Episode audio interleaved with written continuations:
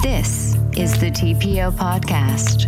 En ik hoop dat je een beetje nu het verschil hoort dat we in een andere studio zitten. Bert Bresson, Roderick Phalo, Hoe gaat het? ranting and reason. Ja, geweldig.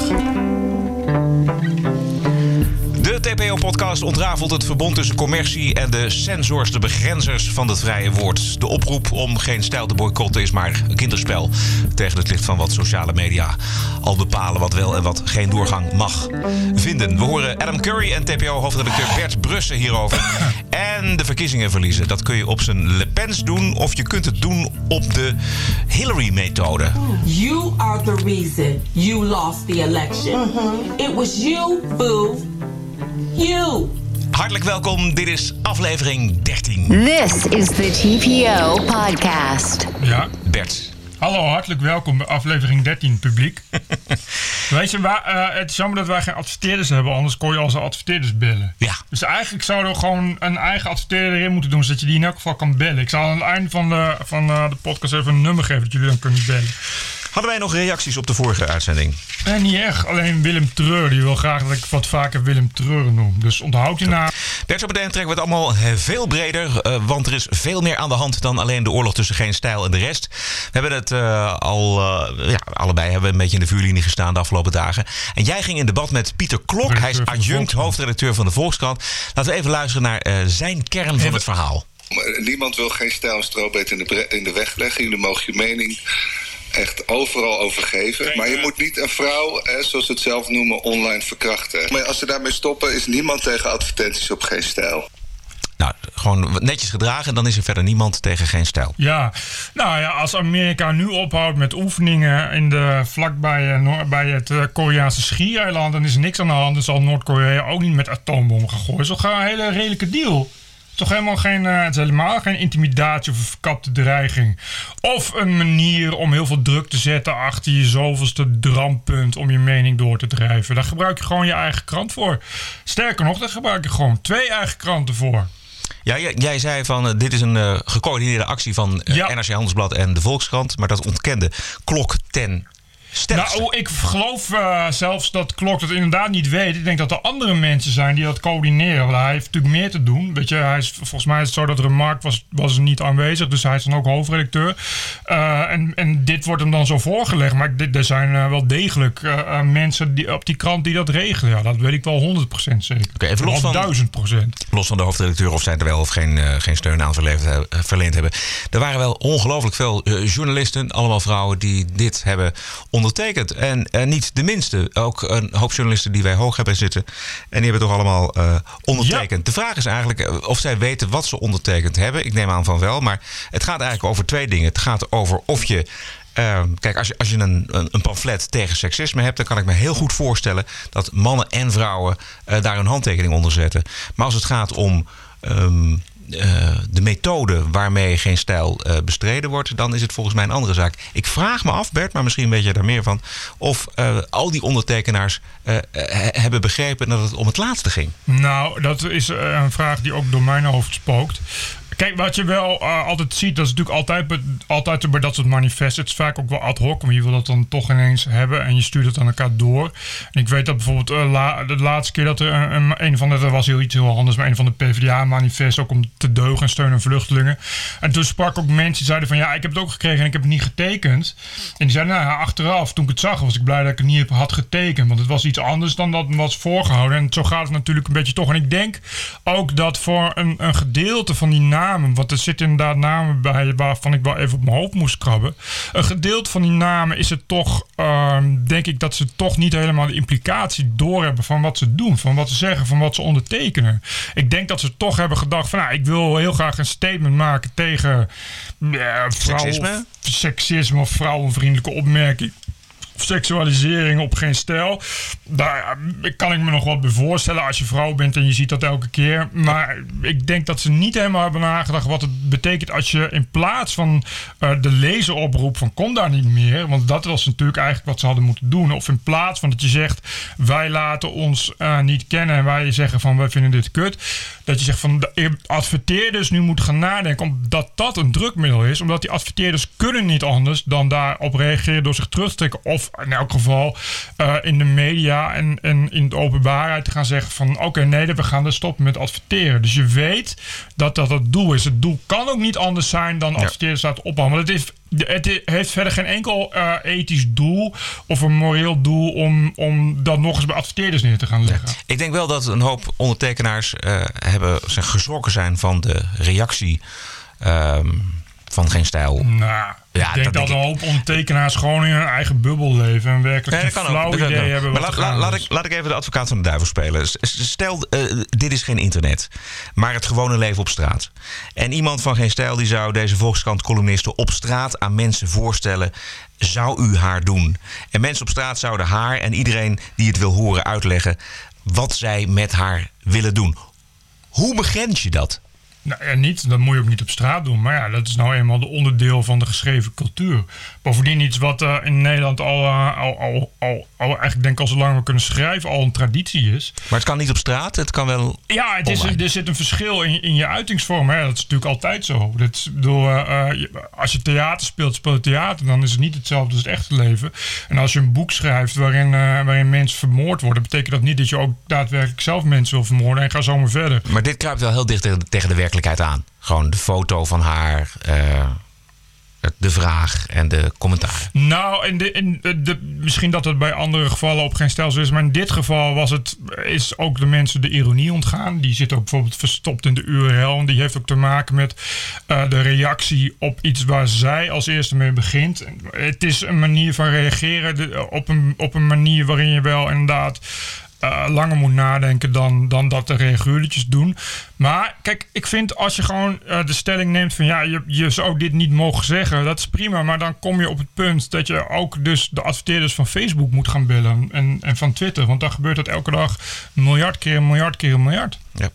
Even nog eh, naar klok luisteren. Als Loes zich online verkracht voelt, of, of welke term ze daar ook wenst, voor wenst te gebruiken, dan heeft ze het volle recht om na te gaan wie de man die daartoe oproept betaalt. En vervolgens om diegene aan te klagen. Dat is heel logisch dat zij dat doet. En heeft ze het volle recht toe. En ik begrijp niet zo goed waarom Bert Brussen haar dat recht wil ontzeggen.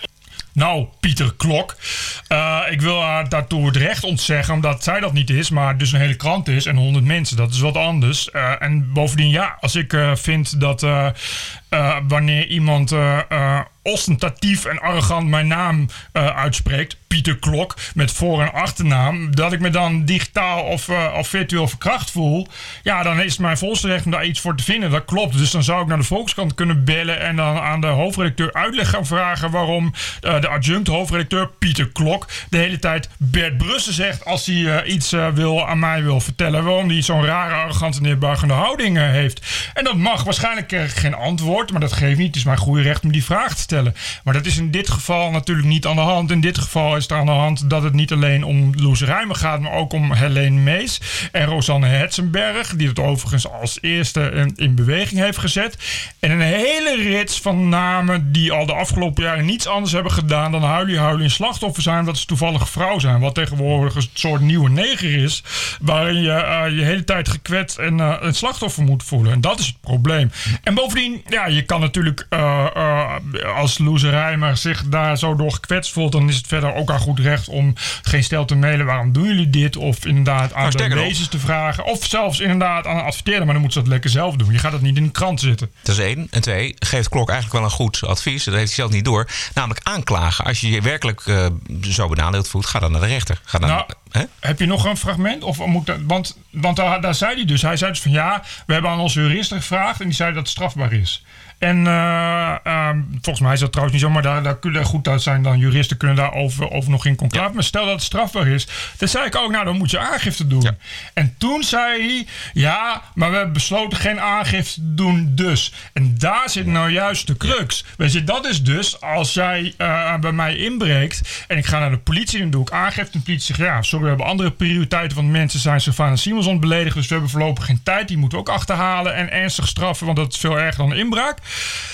Dan ga ik zelf achter die inbreker aan en dan sla ik die inbreker in elkaar. Dan kom ik voor de rechter en dan zeg ik van ja, Maar ja, ik had besloten om mijn aangifte weer in te trekken, want het hielp toch niet. Het is toch oké dat ik hem nu in elkaar heb geslagen. Reken maar dat die rechter dan zegt van, ja nee dus, zo werkt het niet. Ja, het is eigen rechten spelen. Het is gewoon eigen rechten spelen. Ja. Het grappige is dat uh, deze hele boycottactie tegen Geen Stijl begonnen was voor het, de virtuele verkrachting van columniste Loes Rijmer. Namelijk Ja. met de oproep van inderdaad wat jij zei, columniste eh, Rosanna Hersenberg. Om eh, te achterhalen welke adverteerders Dumpert Reten financierden. En op Radio 1 zei Rosanna eerder dat het eh, eh, helemaal niets te maken had met een boycott. Ik wil ook absoluut niet oproepen tot een boycott. Ik vind dat meestal. eh, maar ik, ik wil vooral die, die bedrijven over, het met die bedrijven daarover hebben. Ja. Ja, als je ook eh, het terugleest, ook in haar tweets, is al, je ziet echt sprake dat er sprake is van een meltdown. Wat er inderdaad gebeurt is dat ze. Ik, ik weet niet waarom ze. eh, want op zich, die Hetzenberg schrijft altijd best wel vrij liberale columns, zou ik maar zeggen. Zeker voor NSC. En ze heeft ook.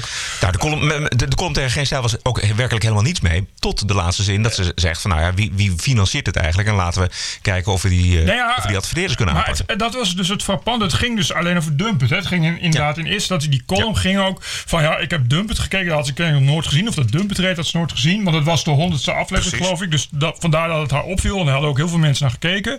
En daar zag ze dus eh, eh, ehm, meiden in een, in een blote reet. Die kwamen de hele tijd in beeld. En daar is ze dan van geschrokken. Dus daar heeft ze die column over geschreven van nou, ik vind dat een nare vorm van seksisme.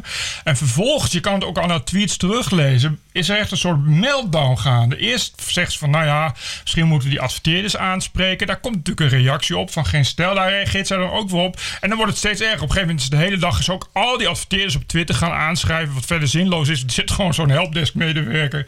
Die verder, ook verder geen totaal idee heeft wat hij daarmee moet doen. Dus dan krijg je wat uh, adverteerder Belvilla heette. Die had ik nog nooit van gehoord. Maar die werden ook. Er za- zat iemand. Oh, halen het weg. Waarop iedereen meteen een boycott Belvilla actie begon. Waarop ze tien minuten later Nee, nee, nee, dit was niet de bedoeling. Maar eh, eh, je ziet ook dat dat gebeurt. Dat het ineens steeds erger wordt. En het raar is. En daar, dat er, niemand heeft nu nog over Dumpet of over Dumpet. Ja, exact. Het is nu ineens is het geen stijl. En daarin proef je ook hoe daar de, eh, eh, Dominique Wezi, de oprichter van Geen Stijl, die twitterde dat ook van de week. Die zei van je voelt die, die, die 13, 14 jaar, jaar lange haat die er al is tegen Geen Stijl. Die heb ik ook aan de lijf ondervonden. Die is er ook heel erg. Je voelt hoe die er nog steeds is. Die frustratie, die opgekropte frustratie van 14 jaar Geen Stijl bij die mensen. En dat kwam ook terug. Want in jouw gesprek, jij zat in Pauw eh, tegenover Rosanne Hetzenberger. Dat kwam ook terug. Op een gegeven moment zei ze ook iets in de trant van... we hebben, zitten al 13 jaar moeten we naar deze onzin nonsens luisteren. Waarop ik dacht, zie je, maar dat is het dus. Het is dus niet Ja. dat seksisme. Het, is niet het, het was niet dumpet. Het waren niet die blote konden. Het was de vrijheid van geen stijl. eh, eh, die dingen zegt die jou niet aanstaan... en die jou ongetwijfeld in je inderdaad verder keurige NSC-wereldje gewoon niet aanstaan. En dan moet je dus je mond houden een stuk. Bovendien, dat vond ik ook, he- heeft geen stijl ook nog terecht aangekaart. Werd het gepubliceerd op 6 mei, wat toch exact 15 jaar na de sterfdag van Pim Fortuyn is. Daar zou je dan nog toeval kunnen vinden. Eh, wat ik wel heel ernstig vind, is dat eh, één dag voor de sterfdag van Pim Fortuyn, de hoofdredacteur van NRC Handelsblad, destijds opriep om Pim Fortuyn min of meer uit onze samenleving Volker Jensma. Volker Jensma uit onze samenleving te verwijderen. Hetgeen gebeurde, want Volker van der Graaf had waarschijnlijk keurig NSC Handelsblad gelezen. En nu, notabene 15 jaar daarna, staat er gewoon weer een oproep in NSC Handelsblad om bepaalde elementen, CQ, eh, bepaalde media, zeg maar, verkapte oproep om die, me- om die media toch een beetje uit onze samenleving te laten verwijderen. Want dat is natuurlijk wel waar het op neerkomt. Waar ik nog even op wil, eh, wil wijzen is dat er volgens mij ook een schisma aan de gang is tussen de mainstream media en natuurlijk ja, eh, zeg maar de, de alternatieve media. Behoorlijk. Eh, ehm, dat alle journalisten die werken bij NRC Handelsblad of bij de Volkskrant, dat die natuurlijk al inderdaad in die 14 jaar, eh 13, 14 jaar, dat die, dat die zich groen en geel ergeren aan van alles en nog wat rond geen stijl. Ook geen pijl. Behoorlijk. Ook dat zij met een Ja. referendum eh, eh, voor de dag komen waar, waar natuurlijk het gros van de, de gewone journalisten helemaal niets in Ja, zagen. ja, die macht van geen stijl is ze veel te groot. De macht van Pim Fortuyn werd ze ook te groot, dus die moet weg. Eh, Theo van Gogh, die hield ook maar niet op met kwetsen. En ik citeer Jellebrand Kostjes, Nederland kapot maken met zijn stukjes. Dus die moest ook weg. En nu moet dus geen stijl weg. Want die hebben inderdaad op een hele hele vervelende, nare, tendentieus en kwetsende manier gebruik gemaakt van een referendumwet die ook voor iedereen bedoeld was. Dus iedereen liet geen stel zien, kan daar gebruik van maken. Dat was niet de bedoeling. Dus moet geen stel nu ook weg. Weet je, het is, eh, eh, zo gaat dat. Zo gaat het dus in, in, in, in Nederland. En ik heb eh, bij de sterfdag van Fortuyn heb ik weer de stukken nagelezen wat er in 2002 was geschreven. Kwam een mooi stuk tegen van Paul Frentrop. Die is nu overigens aangesloten bij Forum voor Democratie. Dat is een hoogleraar Nijrode. Die, die schreef een in 2002, dat was daags na de moord op Fortuyn, schreef ook een fantastische analyse wat er allemaal mis was inderdaad in, in de oude media. En hoe die demonisering wel degelijk echt bestond. Dat het eerst ging om een karaktermoord en dat toen de karaktermoord mislukte. Maar toch maar net zo lang is aangehouden tot het een gewone moord werd. Uh, ik las uh, een stuk van Viaduc, ook in 2002 geschreven. Precies zo. En het komt de hele tijd op, komt het uiteindelijk op hetzelfde neer. Je mag alles vinden in Nederland, maar niet te veel. Je mag niet te veel anders zijn. Je mag niet te veel denken buiten de begaande paden. Want dat telt niet en dan moet je weg. Juist.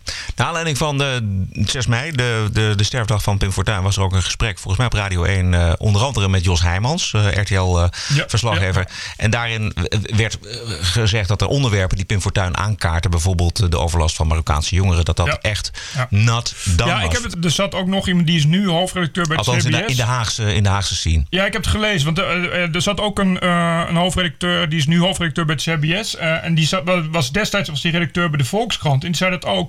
Ja, dat deden we gewoon niet bij de Volkskrant. We, gingen, we deden geen berichten over, over Marokkaancriminaliteit. Dus als er een politicus daar wel mee komt, dan gaat ook het journaal daar bovenop zitten. Ah, Dan ja, kan dat natuurlijk. niet. Nee, maar kijk, weet je wat het, wat het frustrerende is, vind ik? Niet alleen dat het nog, naar mijn smaak, nogal vrij weinig veranderd is. Misschien is het zelfs nog wel erger geworden, durf ik haast wel te zeggen. Wat het frustrerende is, en dat eh, eh, staat ook goed in het stuk van Wie het Duk. Eh, dat die journalisten die hadden journalistiek moeten bedrijven. Juist. Niet eh opiniëren, niet eh, moralistisch zijn, niet hun mening doordringen. Die hadden journalistiek moeten bedrijven. Wat er toen is gebeurd, de reactie op Fortuyn was dat, dat de journalistiek instortte en plaats maakte voor alleen nog maar opiniëren moralisme. En je hoeft daar echt niet, er is niemand die gaat ontkennen dat het heel ernstig was als je stukken terugleest.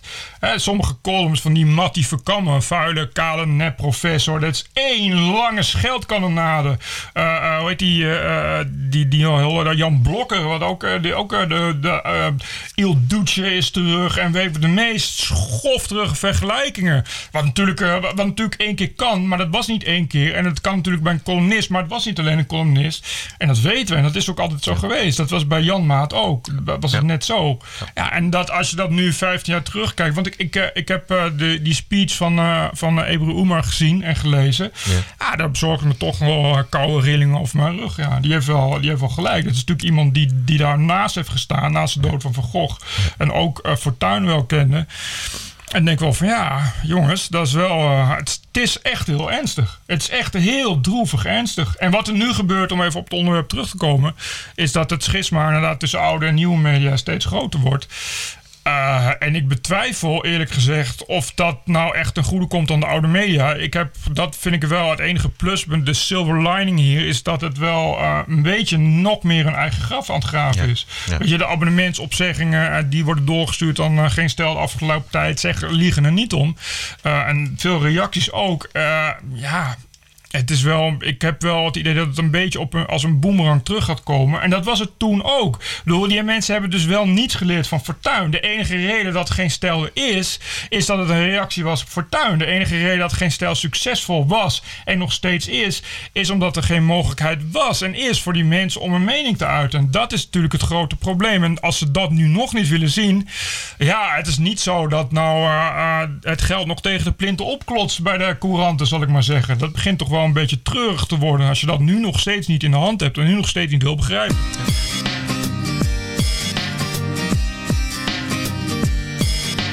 TPO Podcast.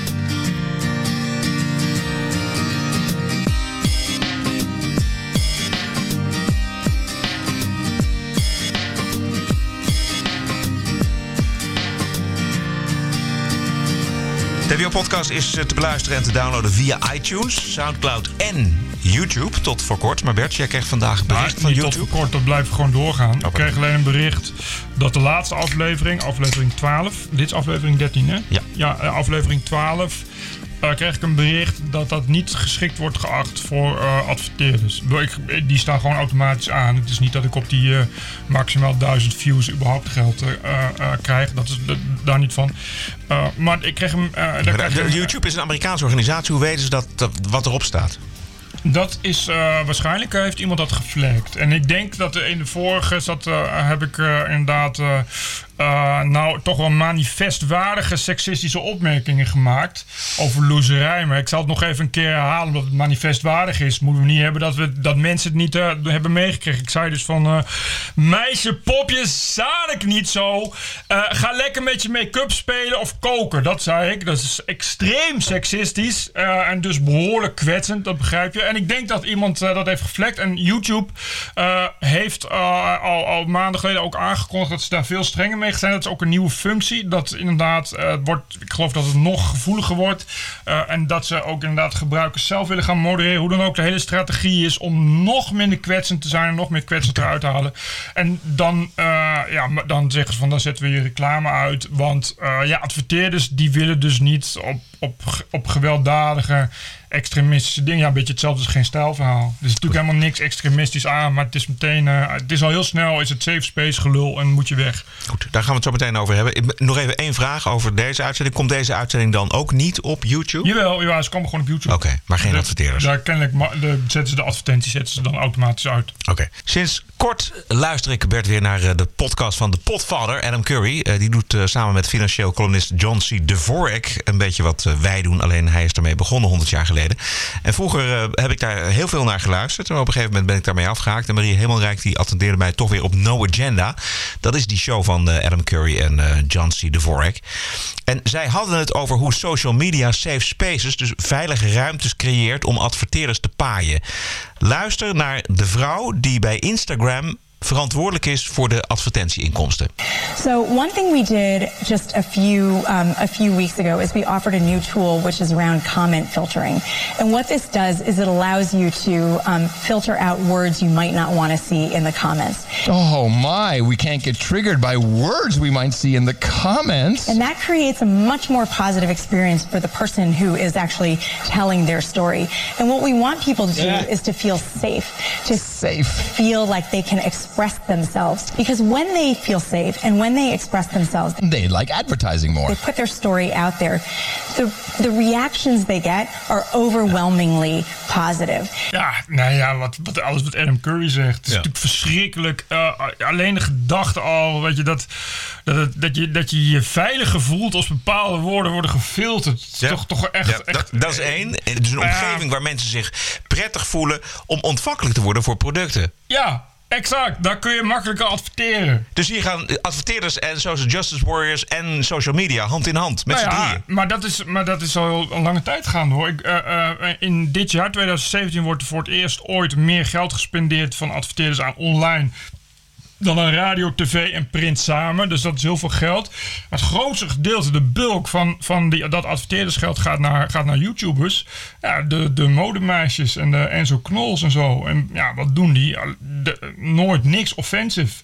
Uh, niks geen nieuws, niks geen opinie, niks geen debat, niks geen scherpe mening. Helemaal niks. Alleen maar blije, blije uh, ja, lifestyle, feel good dingen.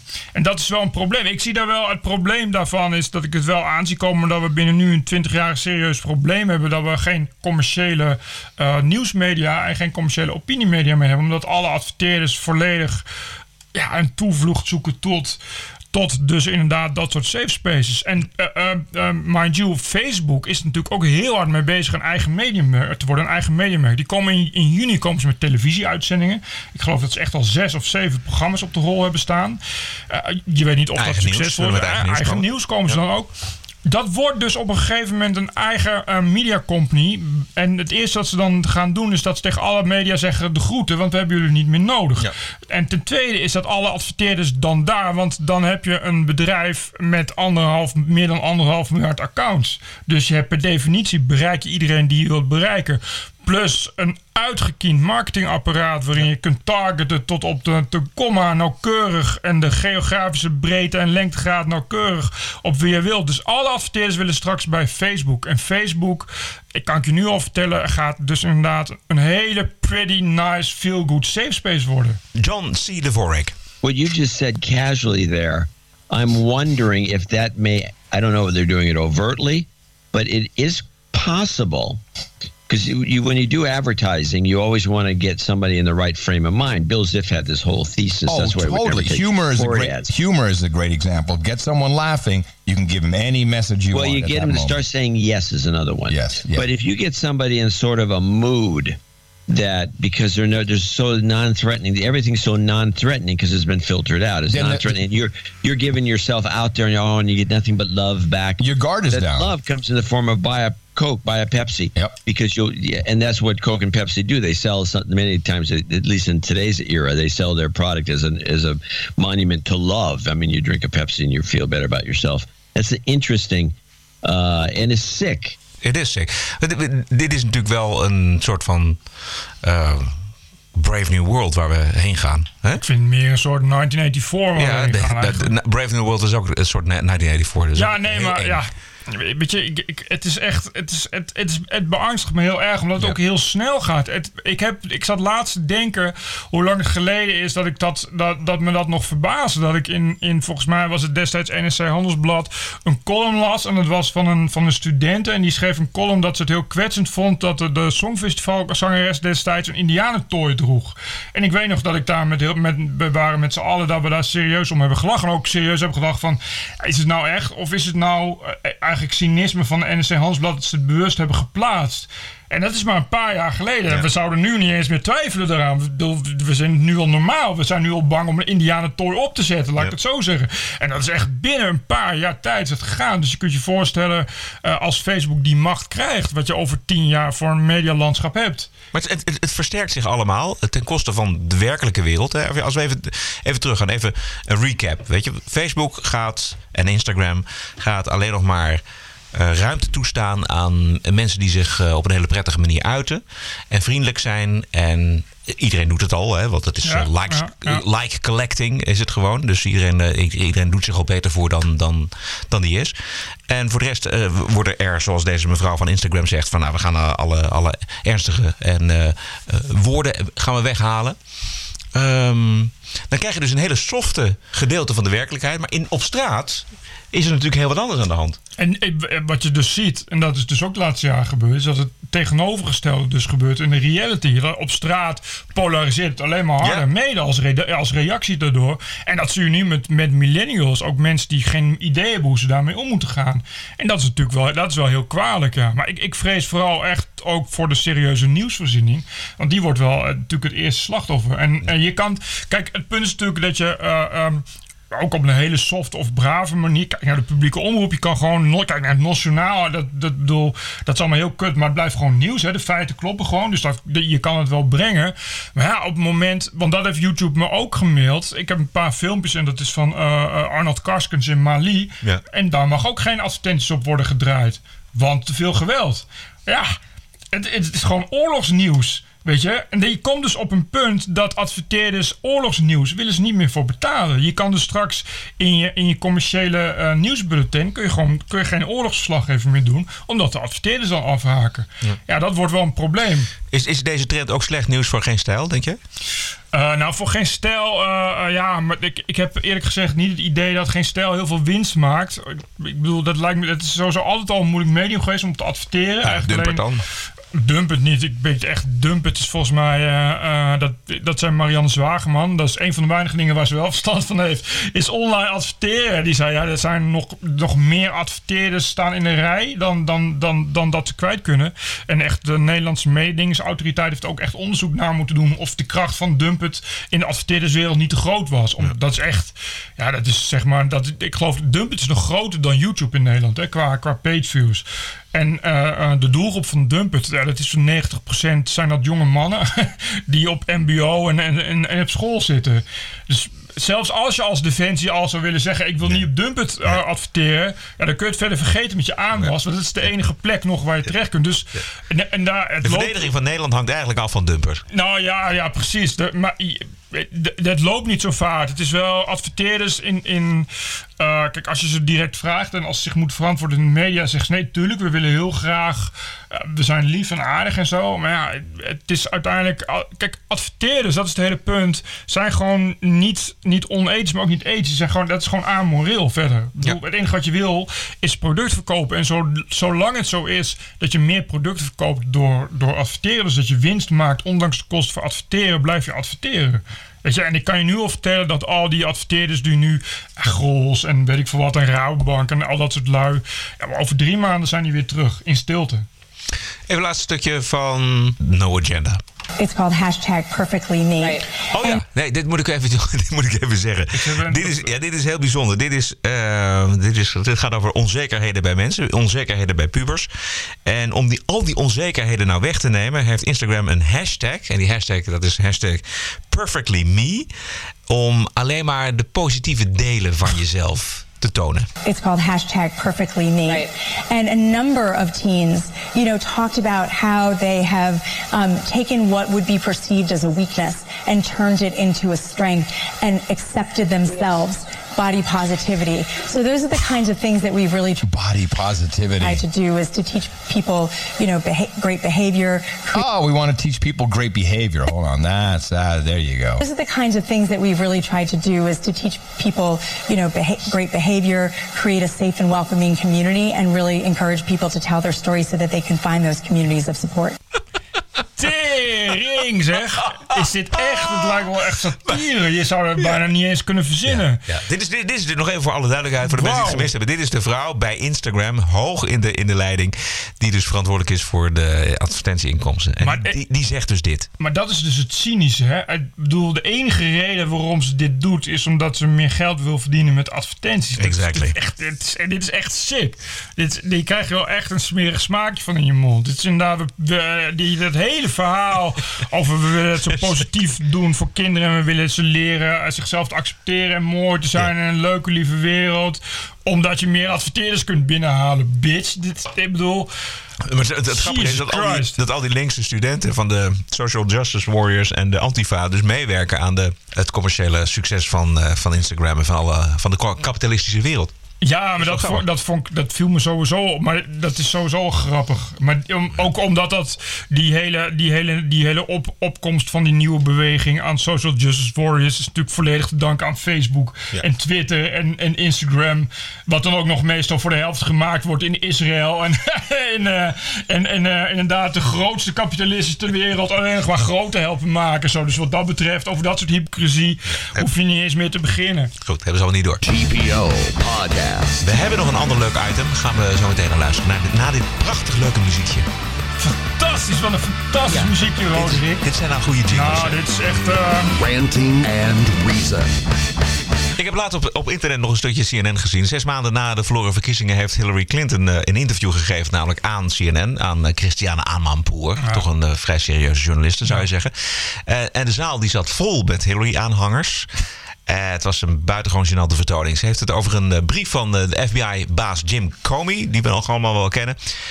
die hij elf dagen voor de verkiezingen aan het congres stuurde. En in die brief stond er dat er opnieuw duizenden e-mails van Clinton gevonden waren op een privé laptop. En deze keer van Anthony Weiner, ook geen onbekende. De bonusquote is vandaag van Hillary Clinton. It wasn't a perfect campaign. There is no such thing. Um, but I was on the way to winning until the combination of Jim Comey's letter on October 28th and Russian WikiLeaks raised doubts in the minds of people who were inclined to vote for me but got scared off. And the evidence for that intervening uh, event is, I think, um, compelling, persuasive. Uh, and so we overcame a lot in the campaign. We overcame an enormous uh, uh, barrage of negativity, of false equivalency, and so much else. Um, but as Nate Silver, who, uh, you know, doesn't work for me, he's an independent uh, analyst, but one considered to be uh, very reliable, you know, has concluded, you know, if the election been on October 27th, I'd be your president. Ja, het lijkt me heerlijk om uh, alles zo ver buiten je eigen schuld te kunnen plaatsen. Zo Zes- ver buiten je eigen universum. Wat heeft zij de afgelopen zes maanden gedaan? Nou, niets, weet ik niet. Niks toch? Nee, maar, nee, maar ook niet nagedacht. maar, eh, nee, het lijkt er niet op dat ze heel veel, eh, heel veel heeft geleerd van, eh, van het debakel. Ik vond, dit, ik vond dit ongelooflijk om te le- om te horen. Schaamteloos. Maar Ja. ik denk wel dat ze, dat ze dat zegt wel. Dit zegt dus wel, wel alles over Hillary Clinton. Dit is ook dus dit is nou precies de reden waarom ze niet is verkozen, vrees ik.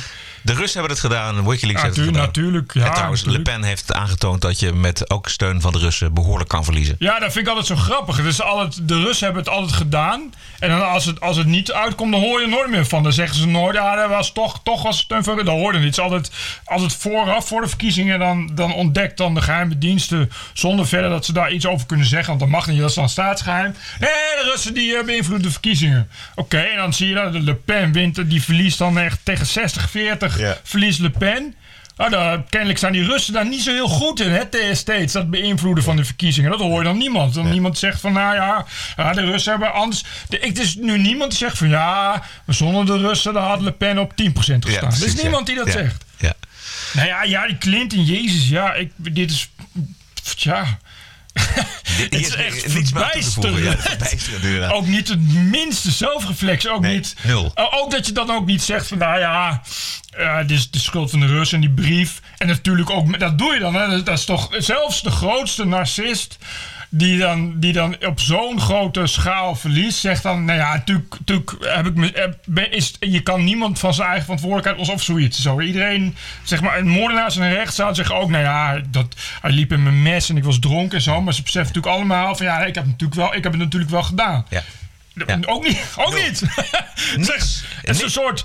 Het was ook eh, de kosmische bedoeling dat Hillary Clinton president zou worden. En op een of andere bizarre reden. Zij is de kosmische orde. Dat is waarschijnlijk ook de schuld van de Russen door elkaar geschud. Ja. En ineens is ze geen president geworden. Wat Nee. gewoon heel raar is. Want Hillary Clinton, alles Hillary Clinton, moest president precies. worden. Nee, inderdaad. Dus een combinatie van Wikileaks en eh, deze brief van eh, deze, deze FBI-man... die hebben in, in de hoofden van mensen ge- twijfel gezaaid. En niet de filmpjes over Nee. eh, Trump. Nee. eh, niet alle schandalen rondom Trump. Nee, allemaal hebben Het heeft ook helemaal niets met Trump Niks, zelf te nee, maken. geen enkele twijfel. Het was deze twee feiten die hebben de boel eh, verstierd voor, voor haar. En Het- je hebt ook het idee dat, dat ze, ze praat ook niet over Trump. Hè? Je hebt het idee dat ze praat alsof het een verkiezing was waarop je ofwel kon stemmen op Hillary of gewoon niet. Bert, hebben we nog andere zaken? Jij hebt... heb jij nog wat? Nou ja, we hebben alle we- tijd. we- We, we- we- kunnen gewoon... over, eh, eh, we kunnen maken zolang we willen. We kunnen daar nog even over Franse verkiezingen hebben. Dat was, eh, ik had mij voorbereid op een spannende avond. Maar dat was één exit poll. Bovendien toen nog niet eens officieel. Want het is wel een rigoureuze, ook een soort rigoureuze anti-vrijheid van meningsstaat hebben ze daar. Hè, Ja, met de acht verkiezingen. uur, Je mag ja. daar een- geen, geen Nee. polls mag je doen. En je mag ook geen exit polls houden. En je mag helemaal niks zeggen. Nou, dat is traditie. Na 8 tot 8 uur en dan mag, dan mag het bekend worden. ja, maar dat was ook meteen, eh, was meteen gelopen. Dus Ik geloof dat... eh, eh, ja, ja. ja, ik, ik, ja ik, ik weet, ik weet Wat, niet. wat, wat denk je ervan? Nou, ik begrijp dat. eh, wat ik van begrijp, ik, ik zit er niet echt heel diep in. Wat ik van begrijp is dat, dat die Macron is natuurlijk vooral ook een eh, zetbaasje van Merkel. Die toch de twee trappen Duitsland-Frankrijk in de EU draaien wil houden. Ik zag ook dat zijn eerste telefoontje die pleegde, am- Ja, nee, was ik naar, was ik naar Merkel. ja. Dus ja. Nee, maar er zijn een aantal problemen die ik interessant vind. Eén heeft hij gezegd dat hij. Zijn, zijn economisch programma is zo liberaal dat het voor Franse begrippen echt eh, onuitvoerbaar is. Hè? Ik bedoel, de, de, de Fransen houden vast aan de 36-urige werkweek, aan hun pensioen, et cetera, et cetera. Succes Nou, daar- met de vakbonden de Precies, jaren. dat wordt een heel groot probleem. En verder heeft hij natuurlijk geen kaas gegeten van alle culturele problemen die er in, eh, in Frankrijk spelen met de multiculturele samenleving. En hij heeft gezegd dat hij weer van Frankrijk een land wil maken van hoop. Dat vind ik altijd vrij ernstig als mensen dat roepen. Dat vind ik ook altijd vrij beangstigend. Ja, dat vind ik- dat is geen goed teken, is dat. In Nederland kom je daarmee waarschijnlijk in de regering. Waarschijnlijk twee ministersposten krijg je daarmee. Ja. En dan is er nog een ander groot probleem voor hem. Want hij heeft namelijk eh, geen partij. Die, die- ja, hij heeft wel een partij, maar dat is nog maar een kleine partij. Oh, ja. En in juni volgende, wel- volgende maand zijn er alweer eh parlementsverkiezingen. Dat vroeg en, me dus af inderdaad. En dan wordt dus het parlement gekozen. En die bepaalt uiteindelijk hoeveel macht de president heeft. Maar het zou dus best wel goed kunnen, want ja, je, ik weet ook niet, je weet ook niet waar, waar deze verkiezing op gebaseerd is. Ik begreep dat de opkomst nog lager was dan vorig jaar. Ja, de laagste rond 70 procent. Dus je weet helemaal niet, het zou best kunnen dat je bij het parlement dus wel weer heel veel eh, Front Nationaal en, en, eh, en UMP. eh, Ja, Front Nationaal is- schijnt lastig te zijn, want dat is een soort districtenstelsel. Oh ja, die worden, die worden altijd, Ja, altijd, altijd, eruit, die worden altijd uitgeduwd. Ja. Maar goed, maar ik, je hoeft het natuurlijk niet, want hij heeft dus geen partij. Dus het, de pro-Macron zit er natuurlijk niet zoveel in. Hij krijgt natuurlijk straks een, een, eh, een parlement met eigenlijk alleen maar anti-Macron. Ja, dat was ook het probleem van Hollande. Die heeft er daarom om die reden zo weinig voor elkaar gekregen. Maar dat- dat is dus, het is de, de, nog zeker geen gelopen race. En zoals eh, een hoop mensen zeggen, ja, in 2022 dan Ja, zijn er weer ook. verkiezingen. En dan zou het wel eens eh, Le Pen kunnen worden. Nou, zo zie ik het ook gaan. Want ik, ik, er werd ook gisteren wel weer op, op walgelijke schaal al gedeug gejubeld. Eh, eh, die D, eh, D66'ers in, in het Europarlement die zeiden een nieuwe Europese lente, een progressieve winst. En, en, en die Tusk en Juncker, die, die, die, gingen, die werden helemaal hysterisch van vreugde. En het is alleen nog maar ook het populisme is verslagen. Ja, oh ja. Tusk die zei: ja, de Fransen kiezen voor vrijheid, gelijkheid en broederschap boven de tirannie van nepnieuws. Dat zeg je dan toch Nee. niet? Nou, dat is toch Orwelliaans Ja, ja, dat is- om dat dan te zeggen als baas van de fucking EU? Ja. Even een pluim. In tegenstelling tot vorige week voor de Volkskrant. Want ik vind vanmorgen het commentaar en de analyse eh, op de voorpagina en in de krant zelf eh, over de Franse verkiezingen vond ik echt top. Ik lees de Volkskrant nooit. Dat moet je echt doen, jongen. Dat Veel is, te weinig advertenties. nee, ja, dat is wel goed. Maar die schrijven echt, die hebben echt heel goed eh, gedegen geschreven over de Franse verkiezingen. En ook over de uitslag. En ook goed geanalyseerd dat het nog lang niet voorbij is met Le Pen. Nou, maar dat, eh, dat, maar, dat, maar goed, dat zie ik dus in alle landen zo. Het is, het is nog steeds een beetje stilte voor de storm. Dus we hebben, kijk, het populisme heeft toch gedacht dat het snel in opkomst kwam. Daar hebben ze zich in vergist. Maar dit, het punt is nu een beetje dat je eh, dat volk ook wel steeds meer naar de drempel duwt. Want nu met Macron, je weet dat die problemen nu niet gaan opgelost gaan worden. Want Macron heeft daar volgens mij eh, echt kaas van gegeten. Geen kaas van gegeten van multiculturele problemen. Volgens mij is dat iemand die zijn hele leven Nou, in de studeerkamer Hoop. heeft gezien. Ja, ja, dat bedoel ik. Op het moment dat, maar dat zeg je al goed. Op het moment dat ze met hoop beginnen, weet je al kortom, je weet er dus helemaal niks van.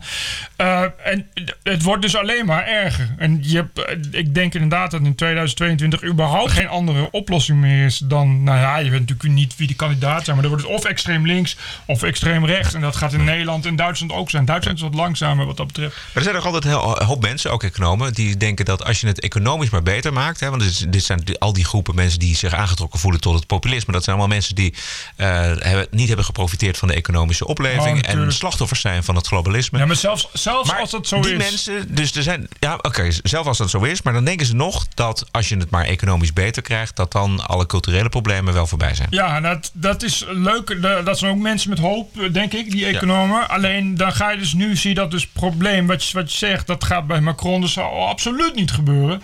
Want bij Hollande, wat toch een socialist is, volgens mij heeft eh, Frankrijk de afgelopen jaren nog nooit zoveel ge- actie gevoerd en ges- en gestaakt als onder Hollande. Dan moet je je voorstellen wat ze dan onder Macron allemaal gaan doen. Want vo- wat Hollande volgens mij wilde, waar echt, echt inderdaad bijna bloedige rellen op zijn gevolgd. Waar inderdaad ook eh, politieagenten in de fik door zijn gestoken en weet ik veel wat. Olieraffinaderijen die zijn platgelegd, inderdaad olietekort. Het was echt, was, op een gegeven moment dacht ik wel van nou, dat gaat toch wel behoorlijk de hand uitlopen. En dat was alleen maar omdat die mensen staakten. Dus door als Fransen staken, dan Ja. heb je het ook echt Macht van de vakbonden is enorm in Frankrijk. Ja. En dat waren, die hervormingen die hij wilde, waren eigenlijk vrij redelijk. Dat is zeg maar de rest van Europa is dat al lang, is dat al lang standaard. Ja. Moet je je voorstellen als je dus inderdaad echt serieuze liberale hervormingen wil. Ja, en dat moet niet alleen in Frankrijk gebeuren, Bert, maar dat moet ook in Italië gebeuren. Dat moet ook in Ja. Spanje gebeuren. Dat moet ook in Griekenland nog gebeuren.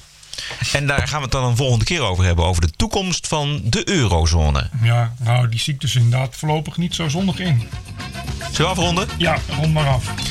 Tot zover deze aflevering. Reageren, kom maar op zou ik zeggen via onze Facebookpagina. Feedback en eh, vragen, ha- hartelijk welkom allemaal. Vergeet niet te abonneren via iTunes of te luisteren via YouTube Ja. of eh, Soundcloud. En als je adverteerders wilt bellen, dan kan het via 063.